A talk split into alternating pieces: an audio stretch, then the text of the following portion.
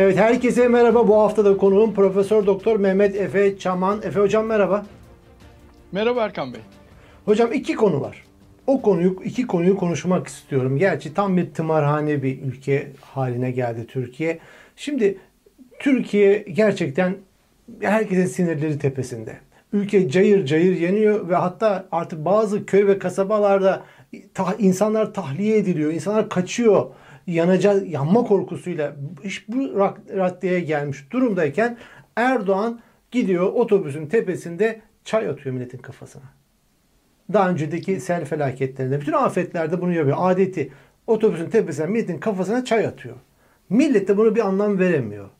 AKP'liler bile bir anlam veremiyor. Ve bunun üzerine bir de bugün işte bu neydi o iletişim başkanı Fahrettin Altun adında biri var biliyorsunuz. O evet. bir açıklama yaptı. Ee, bu Twitter'da Help Turkey, Turkey diye Türkiye'ye yardım et. Hashtag'i açılmıştı. 2,44 milyon tweet atılmış. Türkiye'ye yardım edin. Cayır canı yanıyor ülke ve bununla alakalı bir açıklama yaptı. Ve dedi ki bu, bu kampanyalar devlet millet birlikteliğimizi zayıflatmak ve devletimizi aciz göstermek amacıyla yapılmıştır dedi.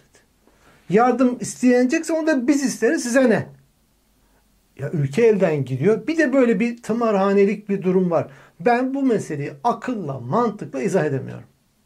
Siz izah edebiliyor musunuz? Nedir bu iki meseleyi alt alta koyduğumuzda? Sanıyorum artık yavaş yavaş bir psikiyatrist ya da bir psikolog davet etmek gerekli olacak bu programlara. Çünkü bir taraftan olayın siyasi analizini yaparken diğer taraftan psikolojik ve psikiyatrik boyutlarını artık ele siyasi almak lazım. tıkanıyor yani, bir yerde. Ne bir yerde demek? Tıkanıyor. Nerede görülmüş Türkiye Cumhuriyeti tarihinde nerede görülmüş bir devlet başkanının, bir cumhurbaşkanının e, elinde çay paketleri otobüs sırtında insanlara çay atması kafalarına kafalarına. Ve üstelik korkunç bir doğal afetin yaşandığı bir bölgeye giriş yapan bir e, otobüsten bahsediyoruz. Sanki seçim kampanyası gibi. Ve bununla da kalmıyor. Bir de e, ambulansların işte itfaiye araçlarının geçişini engelleyecek şekilde de trafiği kapatıyorlar bir de bu adam ve konvoyu gelecek diye.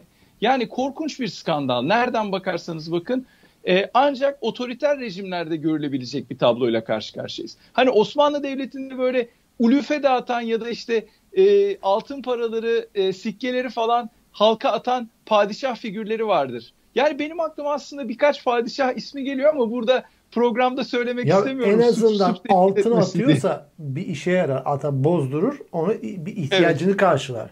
Çay atıyor evet. ya. Ya Rize'de bile çay attı. Ya her tarafı dağ, dere, tepe her yer çay orası ya. Rize'de yani bile çay attı. kısa süreliğine iktidara gelmiş olan e, bir İbrahim vardır. İbrahim Sultan. Yani lakabını söylemiyorum şimdi şey olmasın, ayıp olmasın diye. O böyle e, balıklara falan e, mecidiye atarmış Osmanlı'da. Yani bu e, izanla, akılla e, izah edilebilecek bir durum olma vasfını kaybetti artık. E, yani gerçekten. Burada Efe Hocam dikkatimi çeken bir konu var. Şimdi bunu Erdoğan bu konuyu idrak edemiyor olabilir. Yani bu çay atmanın kendisine negatif olarak döneceğini anlamıyor olabilir. İçinde bulunduğu ruh haleti, psikolojisi, sağlık durumu, zihinsel anlamda her türlü problemler olabilir. Olabilir. Ve bunu fark etmez. Ama ya sarayda bir tane akıllı adam yok mu? Ya Cumhurbaşkanı bunu söyleyip ya bunu lütfen yapmayalım. Bu tepiyor. Ya ortalık yangın yeri insanlar kaçıyorlar. O millete çay fırlatıyor tepelerine tepelerine. Ya bunu da diyecek bir tek adam yok mu? Eğer ki yoksa bütün sarayın bir beyin ölümü gerçekleşmiş demektir. Eğer varsa söylemiyorlarsa ki İbrahim Kalın mesela işlerinde en akıllı adamlardan biridir o. Ben eskiden de biraz bir diyaloğum vardı tanırım şahsen. Yani kıyasen işlerinde en akıllı adamlardan biridir o. Ya onun fark etmiş olması lazım. Şimdi bu, o da Hakan Fidan'a yakın bir isim. Şimdi bu isimler de bunu Erdoğan'a söylemiyorlarsa ve bilakis bunu yap diyorlarsa bu işin açısından bir çapanoğlu var demektir. Şimdi enteresan iki boyut var orada. Birincisi eğer e, yani Cumhurbaşkanı e, yangın felaketi olan korkunç bir yani asırlık bir felaket olan bir bölgeye girip e, çay atmasının e, yakışık almayacağını ve e, siyasi üsluben doğru olmayacağını eğer kendisi teşhis edemiyorsa yani bu denklemi oluşturamıyorsa e, çok ciddi bir sıkıntıyla karşı karşıyayız. Çünkü bu adam Türkiye'nin tek karar alıcısı şu anda. Yani meclis yok, muhalefet yok, hükümet yok, hiçbir şey yok. Her şeyin kararları Erdoğan tarafından alınıyor. İkinci boyut demek ki otoriter rejim öyle bir e, tezahür etmiş, öyle bir e, konsolide olmuş ki artık birileri çıkıp yani sağduyulu birkaç danışman e, veya bakan veya işte yakın olan çevreden kendi çevresinden birileri çıkıp Sayın Cumhurbaşkanım bunu yapmamalıyız. Çünkü bu size puan kaybettirir diyecek cesarete sahip değil. Neden? İşte Silivri soğuktur diyorlar. Yani hani bir anda e, istenmeyen adam ilan edilip hapsi boylayabilir veya el, elde etmiş olduğu e, 6 maaşlık 7 maaşlık pozisyonlardan olabilir. Susuyorlar anladığım kadarıyla. Yani e, bunun rejimle çok ciddi anlamda alakası var. Şu an Erdoğan'ın e, frenine basabilecek hiçbir şey yok. Yani Erdoğan freni patlamış bir kamyon gibi aslında ve Türkiye'yi sürüklüyor. Yani aslında o kamyon Türkiye. Onun şoförü Erdoğan.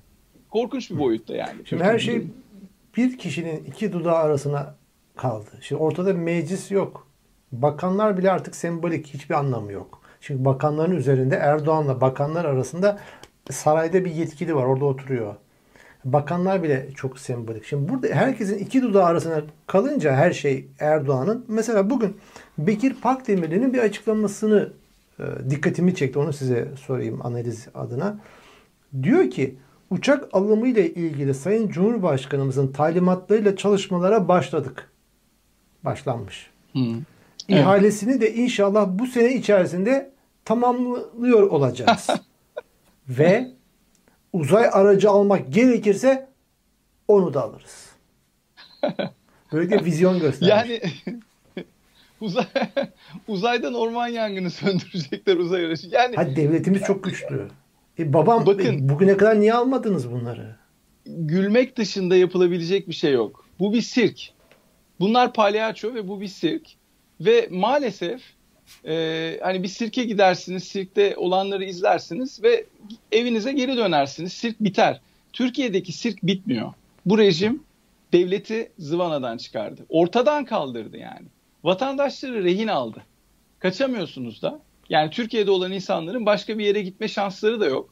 Tabii. Gitmek isteseler zaten çoğunun pasaportunu devlet iptal etmiş vaziyette. Yani korkunç bir tabloyla karşı karşıyayız. Ama Fahrettin Altun konusu var. Yani Fahrettin Altun e, meselesine e, gelelim isterseniz. Çünkü o Hı. çok trajik bir şey. Şimdi oradaki yani işi adamlar... vaka şöyle kısaca hocam özetleyeyim konuya giriş yaparken Fahrettin tamam. Altun analizine. Fahrettin Altun'da analiz edecek adam noktasına geldi günümüz Türkiye'sinde. Şimdi işte ne hep Türkiye diye yardım. Yani millet hakikaten canından bezmiş. Canını zor kurtarıyor yangından. Yardım diyor yani vatandaş 2.44 milyon tweet atılmış hashtag olarak. Şimdi bunun için bunu ihanet olarak tanımlıyor ve devletimizi devletimizi aciz olarak göstermek amaçlı kötü niyetli falan diyor. Şimdi buna karşı da kullandığı bir kelime var. O kelimeyi de orada hashtaglemişler. Türkiye çok güçlüdür. Güçlü Türkiye. Strong Türkiye. Türkiye yazmış. O da hashtaginde. Evet. O da ancak 473 bin evet, tweet alabilmiş. Tweetler savaşı da böyle devam ediyor. Evet vaka bu. Tabii troll troll gücüyle yani onu troll eklemek gücüyle. lazım. Normal insanlar şey yap tweet atmıyor ki. Yani güçlülüğüne neden abicim bizim iki tane, üç tane, beş tane, on tane Yunanistan'ın on sekiz tane uçağı var da yangın. Bizim niye yok ya? Bakın şunu açıkça söyleyeyim. Türkiye güçlü falan değil paçoz bir Türkiye var. yani yangın uçağı alamayacak pozisyonda mı? Ama yani talimat 400... gelmiş şimdi alacaklarmış. Yani Cumhurbaşkanı yani talimatını bekleyen yani demin dedik iki dudağı arasında. Yani. Tabii. Uyandı balığa çıkalım. Geçen sene de orman yangınları oldu bir sürü. Yani küresel ısınma var dünyada. Akdeniz bölgesi cayır cayır yanıyor. Akılları yeni mi başlarına geldi? Kaldı ki mesela bir de Türk Hava Kurumu e, rezaleti var. Yani Türk Hava Kurumu'nun elinde yangın uçakları olduğu söyleniyor.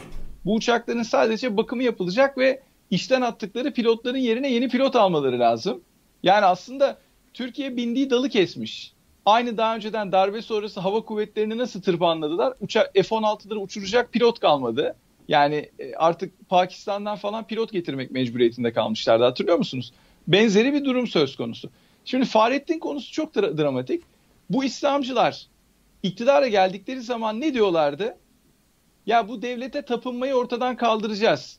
İşte dört tarafımız düşmanlarla çevrili mantalitesinden bu psikozdan ülkeyi çıkaracağız. Dört tarafı dostlarla çevrili işbirliği yapan, yapılan bir bölge haline getireceğiz bölgemizi. Böyle söylemler vardı. Hatırlıyor musunuz?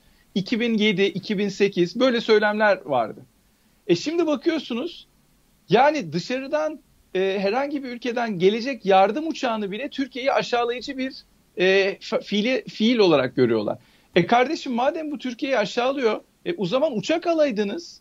Yani bir uçak filosu oluştursaydınız yangın söndürme araçları onu da almamışsınız paraları yemekten. Hırsızsınız. Hırsızlık e, yapmaktan, Kurumu'nun... vurgun yapmaktan içine girmiş Türk Hava Kurumu'nu boşaltmış zaten. Kayyum atamış yerine. Kayyum da ayrı bir kepaze. Kayyum'a diyorlar ki ya işte neden uçaklarınızı uçurmuyorsunuz? Kayyum diyor ki ben buranın yöneticisi değilim sadece kayyumuyum. Yani e, ne kadar rezil bir tabloyla karşı Oranın onursal başkanının e, Erdoğan olduğuna dair rivayetler var Türk Hava Kurumu'nun. Yani e tamam o da işte, Erdoğan da dert yanıyor. Niye yenilememişler? Ya abi bu Türk Hava Kurumu Kenya'daki Kenya devletine bağlı, Türkiye Cumhuriyeti devletine bağlı bir kurum. İyi de yani bunu gerekli şeyleri yapacaksın. Fakat bugün dikkatimi çekti. Yunanistan'dan bir açıklama gelmiş. Ee, Yunanistan yardım uçakları, yangın söndürme uçakları ekipmanı göndereceğiz, gönderebiliriz diye söylüyor. Ee, ve Yunanistan diyor ki yardım teklifimiz hala geçerli. Bize henüz cevap verilmedi diyor Yunanistan. Evet. Ya derin bir kompleks var çünkü. Tabii. Yunanistan Avrupa Birliği üyesi. Yunanistan demokratik bir ülke. Yunanistan hesap verebilir bir hükümete sahip. Yunanistan'ın parlamentosu işliyor. Yunanistan'ın muhalefeti muhalefet. Yunanistan'ın vatandaşı bilinçli. Yani Yunanistan'la Türkiye'yi mukayese edemiyorsunuz ki. Yunanistan e, ışık yılı ileride Türkiye'ye göre bu pozisyonda. Yani kompleks duymaları için aslında haklı gerekçeler var.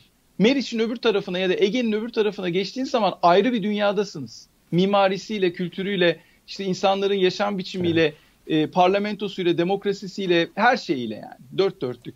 Yani bakın aşılama konusunda bile. Şunu demek istiyorum. Yani Yunanistan'dan tabii e, uçak almamaları büyük bir skandal. Ama uçak alacak da e, yüzleri de var mı? Yani bakıyorsunuz Çünkü Doğu, sefer Yunanistan yaktı diyorlardı. Hayır ilk başta zaten çıktılar PKK'yı kullanarak Yunanistan yaktı dediler. Ondan birkaç ay önce daha bir 6 ay 7 ay önce ne yapıyorlardı? Oruç Reis bilmem ne gemileriyle doğal gaz arıyoruz diye Yunanistan'ın kendi egemenlik hakkı olan kara sularında e, iki ülkeyi karşı karşıya getirmeye çalışıyordu Türkiye. Yani Türkiye'deki yönetim, bu rejim. Bu rejim bakın şunu söyleyeyim yani bu rejim olduğu sürece hiç kimsenin can güvenliği yok, mal güvenliği yok. E, devletin devlet olma vasfı kalmış kalmamış artık. Yani ordusu bitmiş. Polisi e, kabile devleti polisine dönmüş. Polis devleti yani AKP'nin kara gömleklileri. E, istihbarat teşkilatı muhaberat gibi olmuş. İnsanları fişlemek için e, iç işlerinde kullanılan bir araç. E, Türkiye'nin neresinden tutsanız yani Sağlık Bakanlığı Covid rakamlarını e, manipüle ediyor. E, Orman Bakanlığı da ne yapacak? Yangın çıktığında söndüremeyecek yani. Türkiye böyle bir ülke çünkü. Çökmüş artık. Yani şunu söylemek lazım bakın. E, illa birileri Türkiye'nin başındaymış gibi gözüküp demeçler falan verdiğinde o ülkede devlet var diyemezsiniz yani devletin var olduğunu gösterebilmesi lazım. Şimdi Erdoğan ne diyor? E, yangın felaketi olan yerde ben ev yapacağım size, TOKİ'ye ev yaptıracağım diyor. E, 200 e, milyarını işte toplu toplu halde sizler ödeyeceksiniz kendi paralarınıza. Geri kalan 300 milyarını da diyor biz ödeyeceğiz. Biz dediği kim ya? Vergiler sizin benim işte vatandaşın verdiği vergi biz deme hakkı var mı? De, demeli ki devletimiz karşılayacak. Yani Tabii. sizin vergi paralarınızı buraya kanalize edeceğiz demesi lazım. Korkunç Tabii. bir tablo yani. Tabii. Ama şöyle bir haber de geldi. Bugün e, Alevler Erdoğan'ın yazlık sarayına doğru hızla ilerliyormuş. Onu söndürürler kesin. yani onu, onu söndürürler. Rüzgar o tarafa doğru esiyormuş. Marmaris'te yazlık sarayına doğru.